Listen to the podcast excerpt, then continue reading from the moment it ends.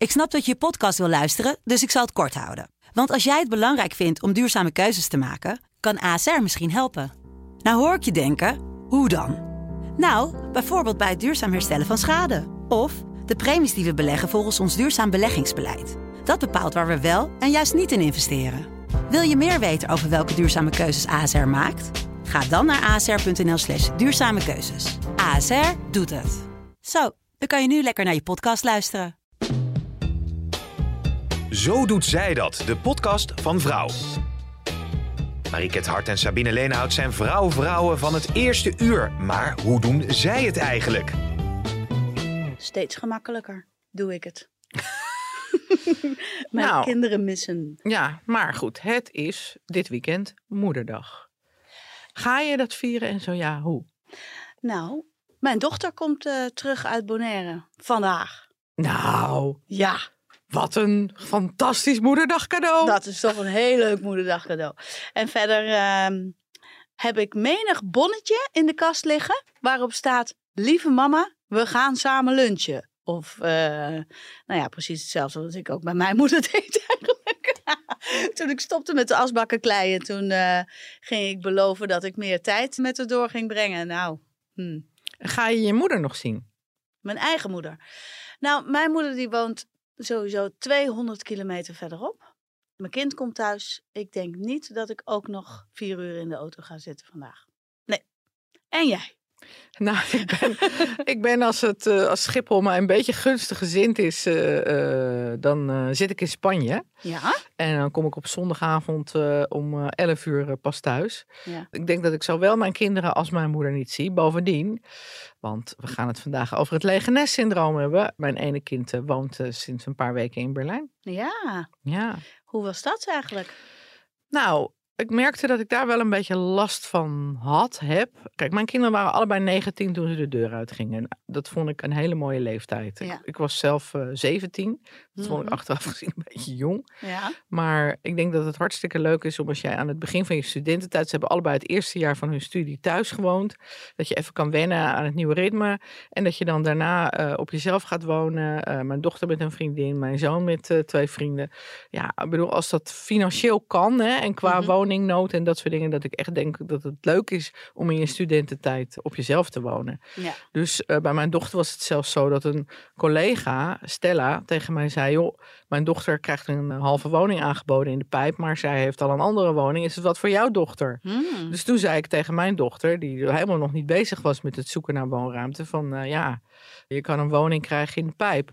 En dat waren dus twee halve woningen naast elkaar. En in het begin woonden ze daar met een onbekend meisje, maar die ging na een paar maanden weg. En toen woonden ze daar met een vriendin. Ja. Ik kende jou toen al.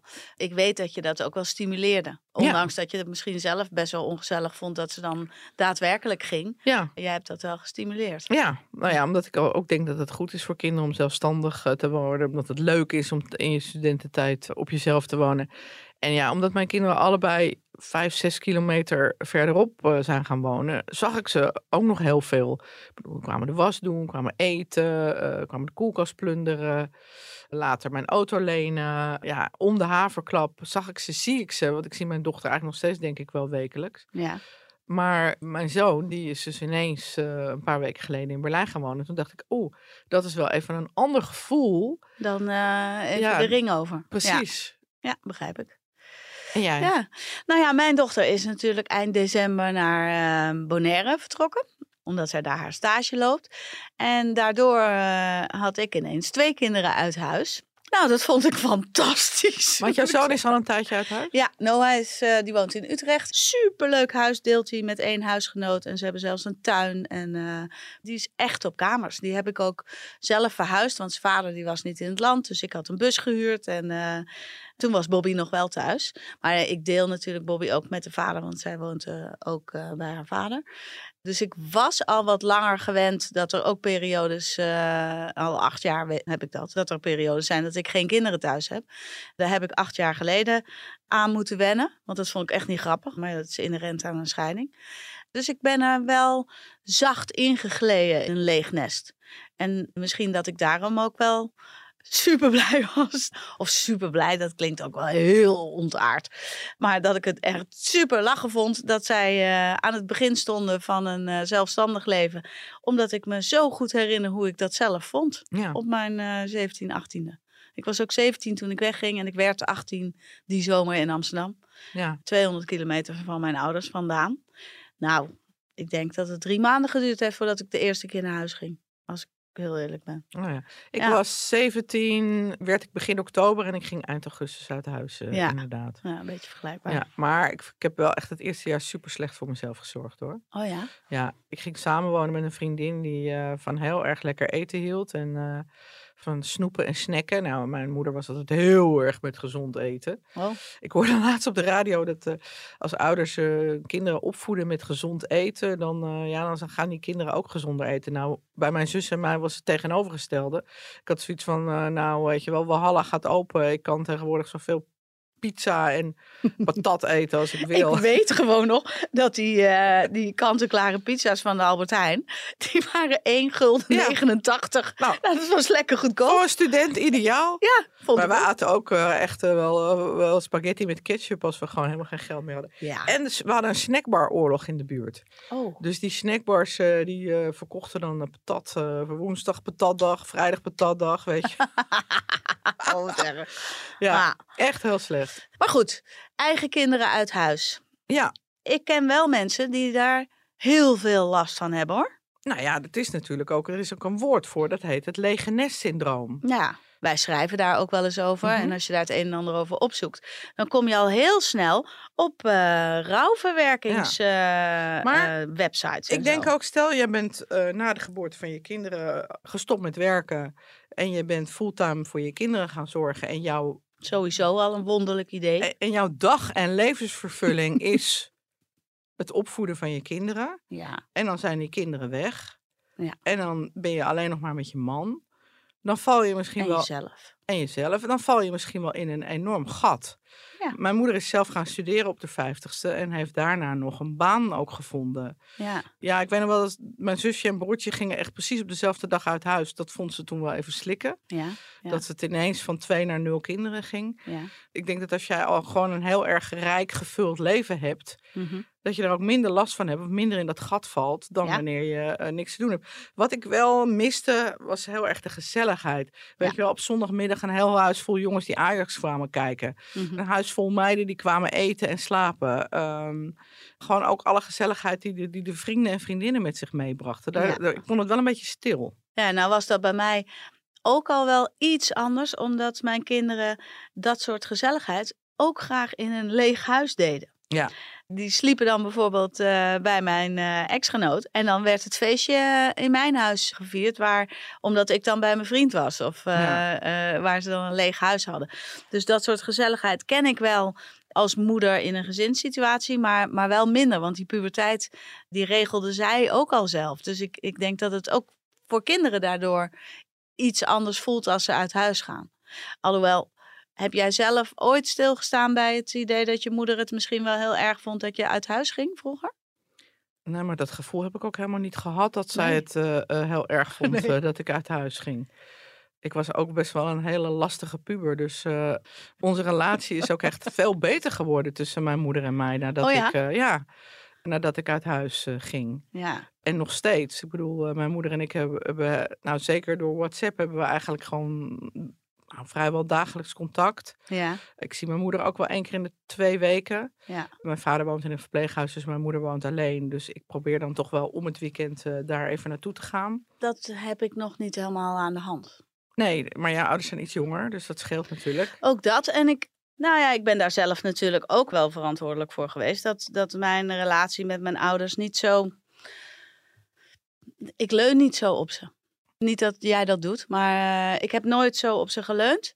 De eerste twee jaar hebben ze mijn opleiding betaald en eh, mijn housing. En eh, nou ja, toen ik uit huis was.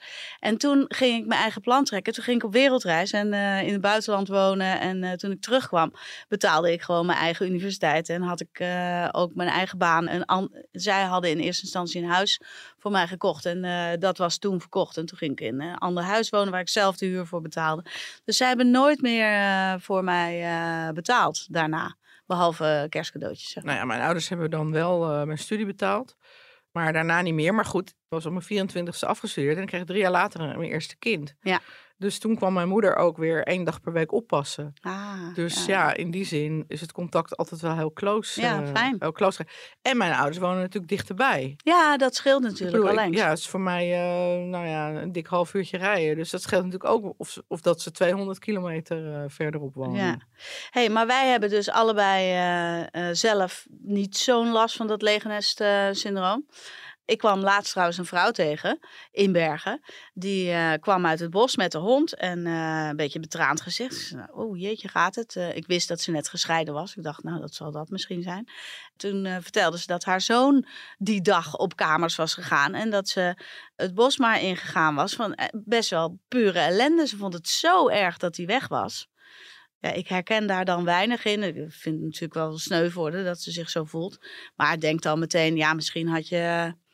Dat joch is 21 of zo. Misschien had je gewoon kunnen blijven werken in plaats van eh, alleen maar op de zak van je man teren. Of is dat, kan je dat niet hardop zeggen? Jawel, dat kan je Ja. wel hardop zeggen. ja. Ja. en daardoor heb je dan ineens weinig meer te doen. Nou ja, Zeker als die man dan ook nog weg is. Ja, wat dat betreft, eh het is wel grappig. Ik las laatst over iemand die zei: Ja, ik werk alleen maar voor de kinderopvang. En dan denk ik: Jezus, hoe kortzichtig is dat? Weet je wel. Mhm. Ik bedoel, ja, ik heb eh, denk ik, als je het omrekent, heb ik de eerste paar jaar ook het grootste deel van mijn salaris naar de kinderopvang gebracht. Maar Mhm. hoezo is het alleen mijn salaris? Waarom niet het salaris van jou en je man bij elkaar opgeteld? Precies. Bovendien, die kinderopvang is maar tijdelijk. Nu ben ik eh, dolblij dat ik eh, altijd ben blijven werken. En eh eh Maar bijna we hebben ook leuk werk. Hè? We hebben werk wat we zelf erg leuk vinden. Jawel, maar dat werk heb ik ook niet cadeau gekregen. Daar heb ik ook gewoon voor gestudeerd. En, Ja, zeker. zeker, dat snap ik. best Maar er gedaan. zijn, zijn ook vrouwen en die zouden dan een werkje erbij gaan doen. Die dan niet zoveel gestudeerd hebben. En ook zelf gehinderd worden door het idee dat ze, dat ze toch nooit hoger opkomen als ze maar een paar dagen per week werken. Want ze willen er ook een paar dagen voor de kinderen zijn. Nou, er zijn genoeg redenen te verzinnen waarom eh, vrouwen die keuzes maken. Of omdat ze gewoon lui zijn. Dat kan natuurlijk ook. Goed, dat is een hele andere discussie. Ik vind ook dat je ook een bepaalde verantwoording af te leggen hebben naar de maatschappij. Dat ik denk van ja, het is, weet je, er zijn zoveel tekorten in de zorg, zoveel tekorten in het onderwijs. En je weet dat die gewoon worden opgelost als vrouwen Ja. gemiddeld vier uur per week meer zouden gaan werken. En ook heel veel vrouwen, als de kinderen volwassen zijn, gaan ze dus niet meer werken dan ze doen. Nee, Dus stel ze werken twee hè? Dan gaan de kinderen de deur uit, maar Ja. dan gaan ze niet plotseling vier dagen werken. Nee, dat, maar dat was wat ik wilde zeggen. Dat wij dus iets doen wat we super leuk vinden en wat ons leven heel erg verrijkt. Maar dat er veel vrouwen zijn die een dan een baantje nog zouden nemen, maar niet zoveel halen uit dat werk. Dan hebben ze die één of twee collega's waar ze dan nog mee werken, maar daar halen ze niet zoveel uit. Dat zie ik bij een vriendin, die heeft dan geen kinderen. Die haalt ook niks uit haar werk. Die haalt bijna geen voldoening uit haar werk. Die draait gewoon het dingetje af, that's it. Dus dat soort vrouwen krijgen ook nog, als die kinderen dan weggaan, dan komen die extra uren. Ze halen al geen voldoening uit hun werk. Moeten nu dus alles uit hun relatie halen. Of eh, hè, wat, dat zorgzame stuk. Of eh, dat mensen afhankelijk van je zijn. Of alles wat bij dat moederschap ook komt kijken. En daarom vallen ze in zo'n gat. En wij kennen iemand en die schrijft hier zelfs boeken over. Nou, laten we die eens gaan bellen. Ja. Annette Heffels heet zij. Ja. Zij is eh, psychologe. Zij heeft eh, een column eh, in Margriet. Ze schrijft boeken over het lege nestsyndroom of over het hebben van volwassen kinderen. ja. En, Ben jij ook een beetje opgegroeid met Annette Heffels? ik ben zelfs met Annette Heffels. ik was toen chef bij Margriet. Dus ik heb Oh. ook jarenlang met haar samengewerkt. Sterker nog, ik ben een week met Annette op reis geweest. Met een Oh, goed doel. Wat leuk. Ja, naar eh, ehm, hoe heet het, eh, Tanzania. Ja. En naar Kenia. En Oh. eh, ja, daar hebben we allerlei projecten bezocht. En dat was heel bijzonder. Dus ik ken haar net eigenlijk best wel goed. Oh, wat leuk. Ik Ja. ken haar alleen maar uit de bladen en van de televisie. We gaan haar bellen.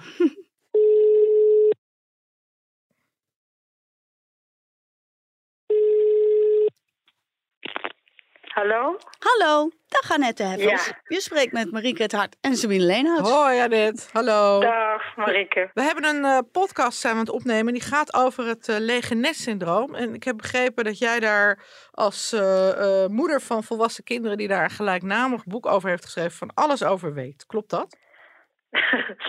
ik heb het in ieder geval ervaren. Ja. Mhm.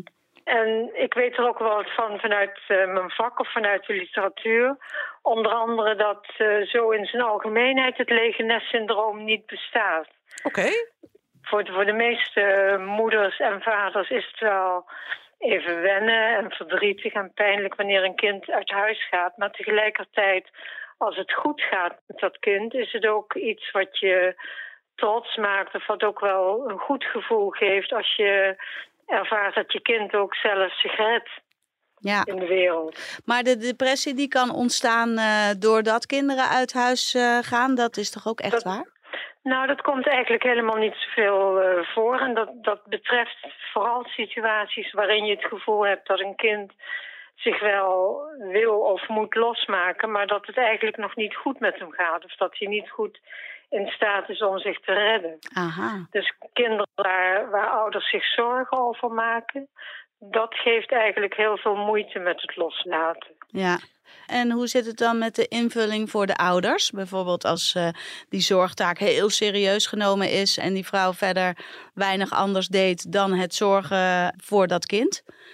Nou ja, dan heb je, heb je het over hele specifieke situaties. Hè. De, Ja. Heel veel moeders doen toch ook wel iets ernaast. Hebben hè, ofwel vrijwilligerswerk of, of een baan of eh, hobby's of dingen die verder invulling geven aan het leven. En het is dus ook niet zo dat een kind zich plotseling losmaakt en weg is. Het is iets wat in feite die verzelfstandiging van kinderen, dat, dat gebeurt eigenlijk al op een leeftijd dat je ze nog vooral moet vasthouden. Hè, want ook daar gaat een kind al lopen los en niet aan het handje en schroef je de zijwieltjes van zijn fiets af en gaat hij op een bepaald moment naar school, wat zich ook al buitenshuis afspeelt. En naarmate die ouder wordt, zijn er eigenlijk steeds meer dingen waar je niet bij betrokken bent. Dus het is een heel geleidelijk proces. Dus als, als je als moeder je daardoor heel erg overvallen voelt, dan is dat eigenlijk best gek. Want je kunt het zien aankomen aan- van alle kanten. Maar toch vind je, als ik ga zoeken over, eh, naar vrouwen die er echt moeite mee hebben, die vind ik wel vrij makkelijk. Ja, En, en misschien dat die dan niet bij een psycholoog terechtkomen. Maar in mijn eh, vriendengroep eh, zijn er toch wel wat vriendinnenmoeders die het echt heel erg vonden dat de tijd aangebroken was, dat die kinderen weggingen.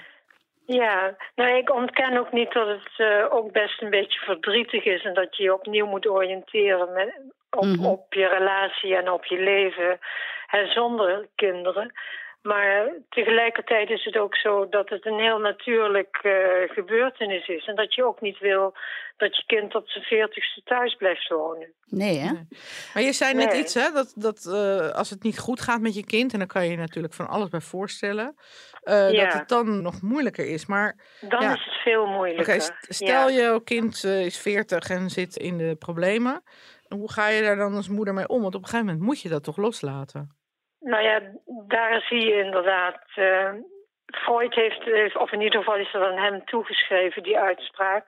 Zegt een kind eh, is zelfstandig of je kunt het loslaten wanneer die zich weet te redden wat betreft arbeid und liebe. Mhm. Dus als een kind in staat is om eh, zelfstandig te zorgen voor zichzelf, als hij een huis heeft, als hij een baan heeft, als hij een partner heeft, of in ieder geval mensen om zich heen met wie hij samen kan zijn, dan kun je hem loslaten. Als een kind dat niet kan en je voelt aan van ja, we kunnen niet ons hele leven ver, of zijn hele leven verder voor hem blijven zorgen, dan is dat inderdaad lastig. Mhm. En hoe je dat dan moet doen, dat hangt natuurlijk heel erg af van wat precies de problemen zijn van een kind. Of dat psychiatrische problemen zijn, of dat hij zich niet qua zelfstandigheid niet weet eh, te redden.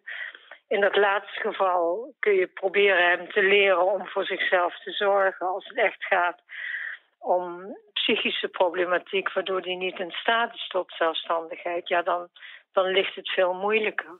Mhm.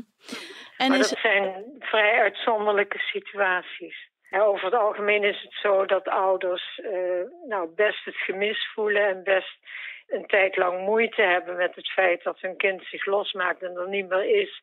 En ook de hele reuring om zo'n kind heen. Dus vrienden en vriendinnen die aankomen lopen. Mhm. Dat valt dan allemaal weg. Ja, dat is even verdrietig en een soort nieuwe oriëntering. Ja. Maar het is tegelijkertijd ook iets wat bij het leven hoort en wat Ja. je ook trots kan maken dat een kind zich redt. Dat is vooral wennen ook. Ja, en hoe belangrijk is het eh, dat zo'n kind zelfstandig wordt? Dus buiten die, eh, die zorg van die ouders eh, gaat vallen. Ja, heel belangrijk. Autonomie is een van de basisbehoeften van, van kinderen. Dus het dingen zelf kunnen doen. Dat begint eigenlijk ook al heel jong. Het zelf dingen kunnen doen waarvan je denkt dat je dat kunt. En als ouders laat je die ruimte dan en kijk je toe of een kind die ruimte aan kan. En kan die dat niet, dan grijp je in.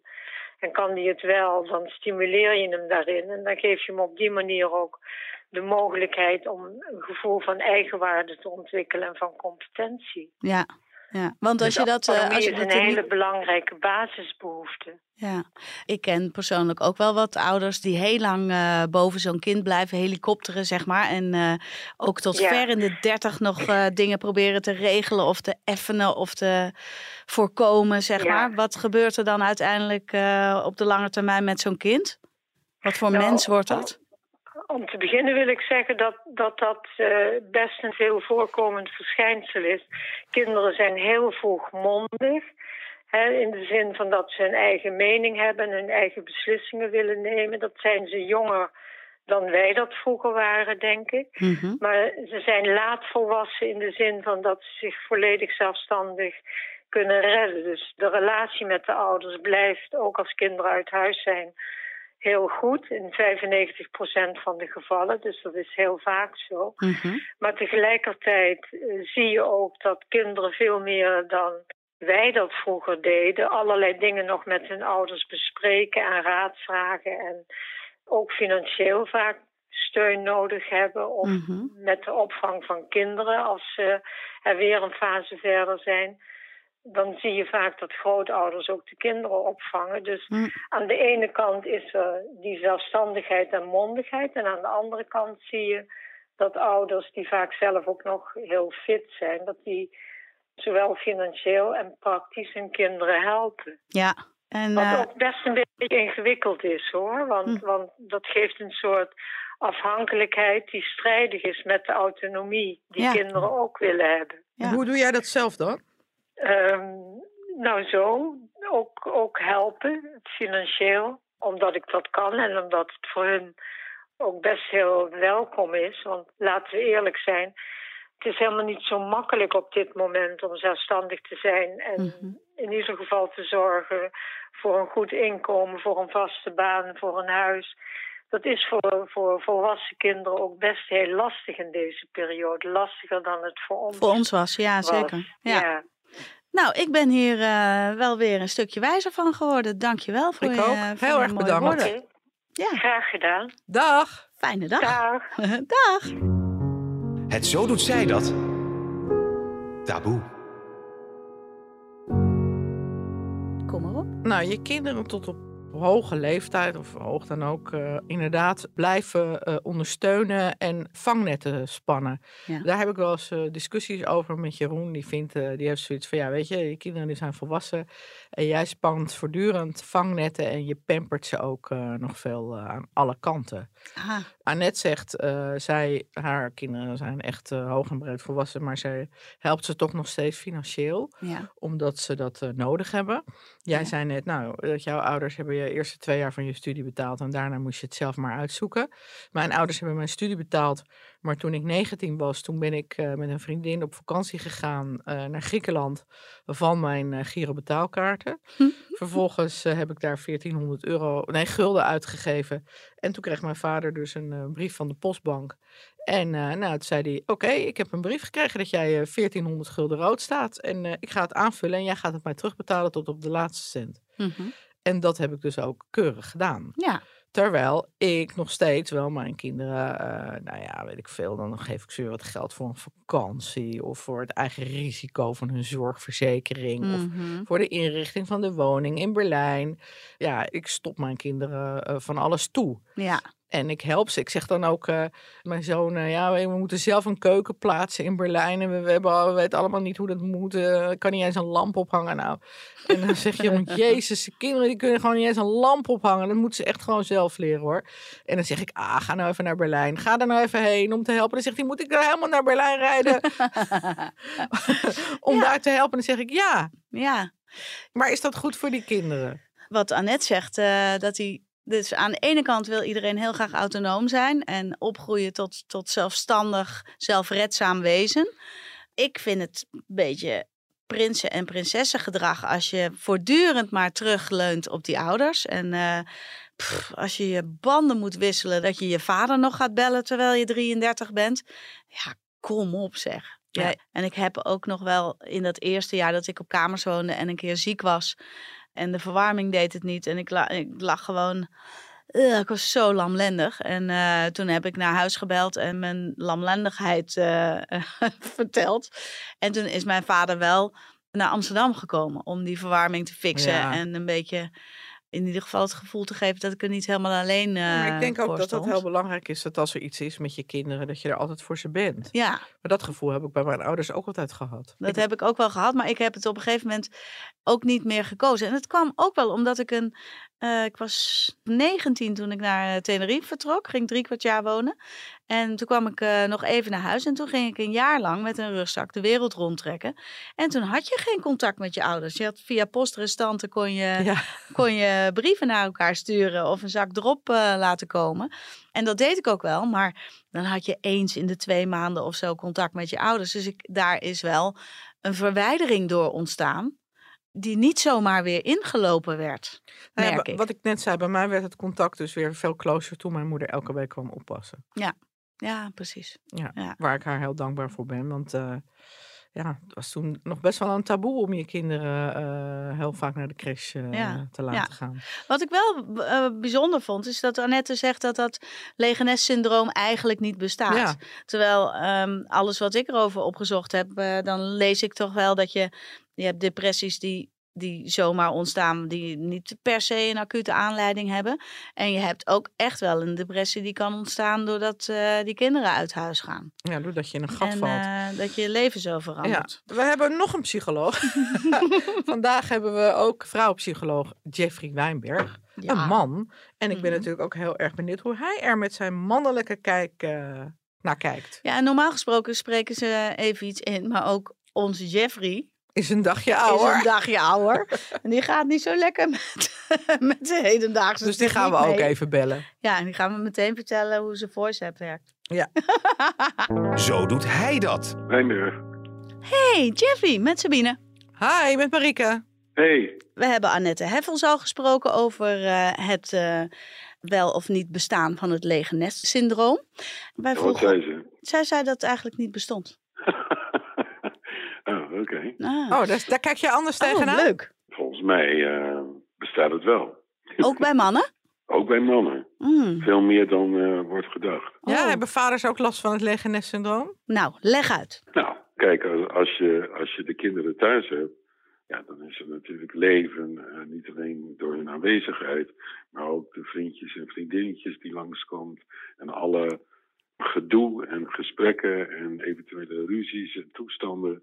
Ja, als dat in één keer gewoon verdwijnt, dan is het ook letterlijk ineens stil. Mhm. Bovendien kom je ineens tot de conclusie, als je dan boodschappen doet, weet je dat je dan veel minder ja, in huis hoeft te hebben. Dan zit je met de hoeveelheid eten aan tafel die niet opgaat, omdat je kinderen er niet zijn. Ja. Dus dat is een hele omschakeling. Je, je gevoel van ouder zijn of moeder zijn, dus waarom je er bent, weet je wel, dat vervalt ook. Want ja, het kind is er niet. Die functie vervalt.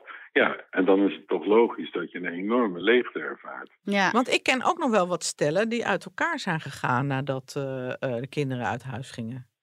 Ja, die wisten dat eigenlijk wel al eerder, maar hebben dan zo keurig gewacht totdat het kind het huis uit was, om dan het kind zelf niet eh, eh, slachtoffer te laten zijn van een scheiding. Ja. Is dat ook minder erg voor kinderen als je daarmee wacht? Voor sommigen wel, dus in ieder geval hebben ze dan niet eh, eh, gauw het idee van het lag aan mij. Hè, dus in die zin is het dan misschien net iets makkelijker of logischer. Maar ik ken genoeg uh, van meiden, weet je wel, die dan echt ontzettend uh, kwaad en gefrustreerd zijn als pa dan toch een vriendinnetje blijkt te hebben en vertrekt en dan moeder achterlaat.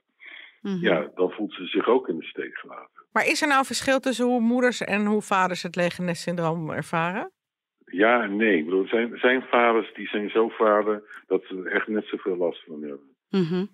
Kijk, dus als je iets minder vader bent of meer identiteit houdt uit je werk, dan heb je er weer iets minder last van. Dus het is maar net waar je de nadruk legt op in je bestaan. Ik ken ook bijvoorbeeld vaders die hun hele ziel en zaligheid leggen bijvoorbeeld in het voetbalteam van hun zoon. Ja. Die dan ook uh, nou ja, bijna huilend op de grond vallen als die zoon op zijn zeventiende zegt... nou, ik heb geen zin meer in voetbal, ik wil uitslapen. Nee, ik wil uitslapen. Klopt, klopt. Ja, dus daar kan je ja. natuurlijk ook heel erg in opgaan ja, in dus, vaderschap. Dus hoe fanatieker je bent, dus hoe verslaafder je bent... Ja. des te harder de klap is als het wegvalt. Nou, Ja. ik kan ik me voorstellen. Ja. Dankjewel uh, Jeffrey voor Oké, je inzichten. graag gedaan hè. Ja. Joe. Dag. Doeg. Opgebiecht. Sabine, Ja. heb je nog wat op te biechten over dit onderwerp? Ja. Wat dan? Ik heb natuurlijk net een huis gekocht. Ja. Daar zit één slaapkamer in. Dus jammer voor die kinderen. Ze kunnen niet meer bij mij. ja, Ze kunnen wel bij me logeren. In mijn bed of op de bank. Of op een luchtbedje in de woonkamer. Maar hun eigen kamer is er niet meer. Dus het is niet helemaal de bedoeling dat zij eh, ergens na een eh, enorme break-up of zo eh, weer in het ouderlijk huis terechtkomen. Ik voorzie niet eh, een enorme verwijdering. Ik heb wel het idee dat, eh, ook wel door hoe ik met mijn kinderen omga, dat mijn relatie met mijn eigen kinderen iets anders is dan mijn relatie met mijn ouders. Ja. En dat komt ook wel door de nieuwe verkering met Maart. Dat ik zie hoe relaties met ouders kunnen zijn. Nou, we hebben er echt tien jaar geleden dan wel eens gesprekken over gehad. Van nou, hoe zou je het vinden als je ouders doodgaan? Nou, dat zou ik echt heel verdrietig vinden. Maar dat zou ik heel verdrietig vinden voor de ander. Weet je, mijn vader en moeder zijn dol op elkaar. Als een van die twee weg zou komen te vallen, dan zou ik dat voor hen het allerergste vinden. Ja. Niet voor mij als kind.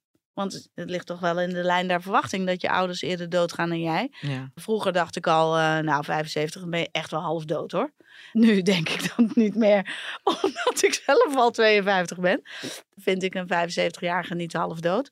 Dus eh, ik hoop ook dat ze nog een hele tijd eh, blijven leven. Maar dat ik dat zelf zo afschuwelijk zou vinden, die relatie heb ik niet. En ik, ja, ik heb toch het idee dat, eh, ook al zijn mijn kids echt super zelfstandig en spreek ik Noah helemaal niet iedere dag, maar die belt me wel als hij eh relatiegezeik heeft of niet weet eh, waarom een meisje op een bepaalde manier reageert. Dan gaat hij altijd nog wel even om raad vragen bij zijn ouders. Nou ja, financieel natuurlijk ook altijd als het niet helemaal loopt. Ja. Maar ik denk dat dat wel, nou, dat hoort gewoon bij 22-jarige kinderen. Maar als ze nou eh, eh, naar Australië zouden gaan verhuizen? Ja, dat zou ik wel jammer vinden voor mijn eh, eventuele leven als oma. Stel dat ze daar kinderen gaan maken.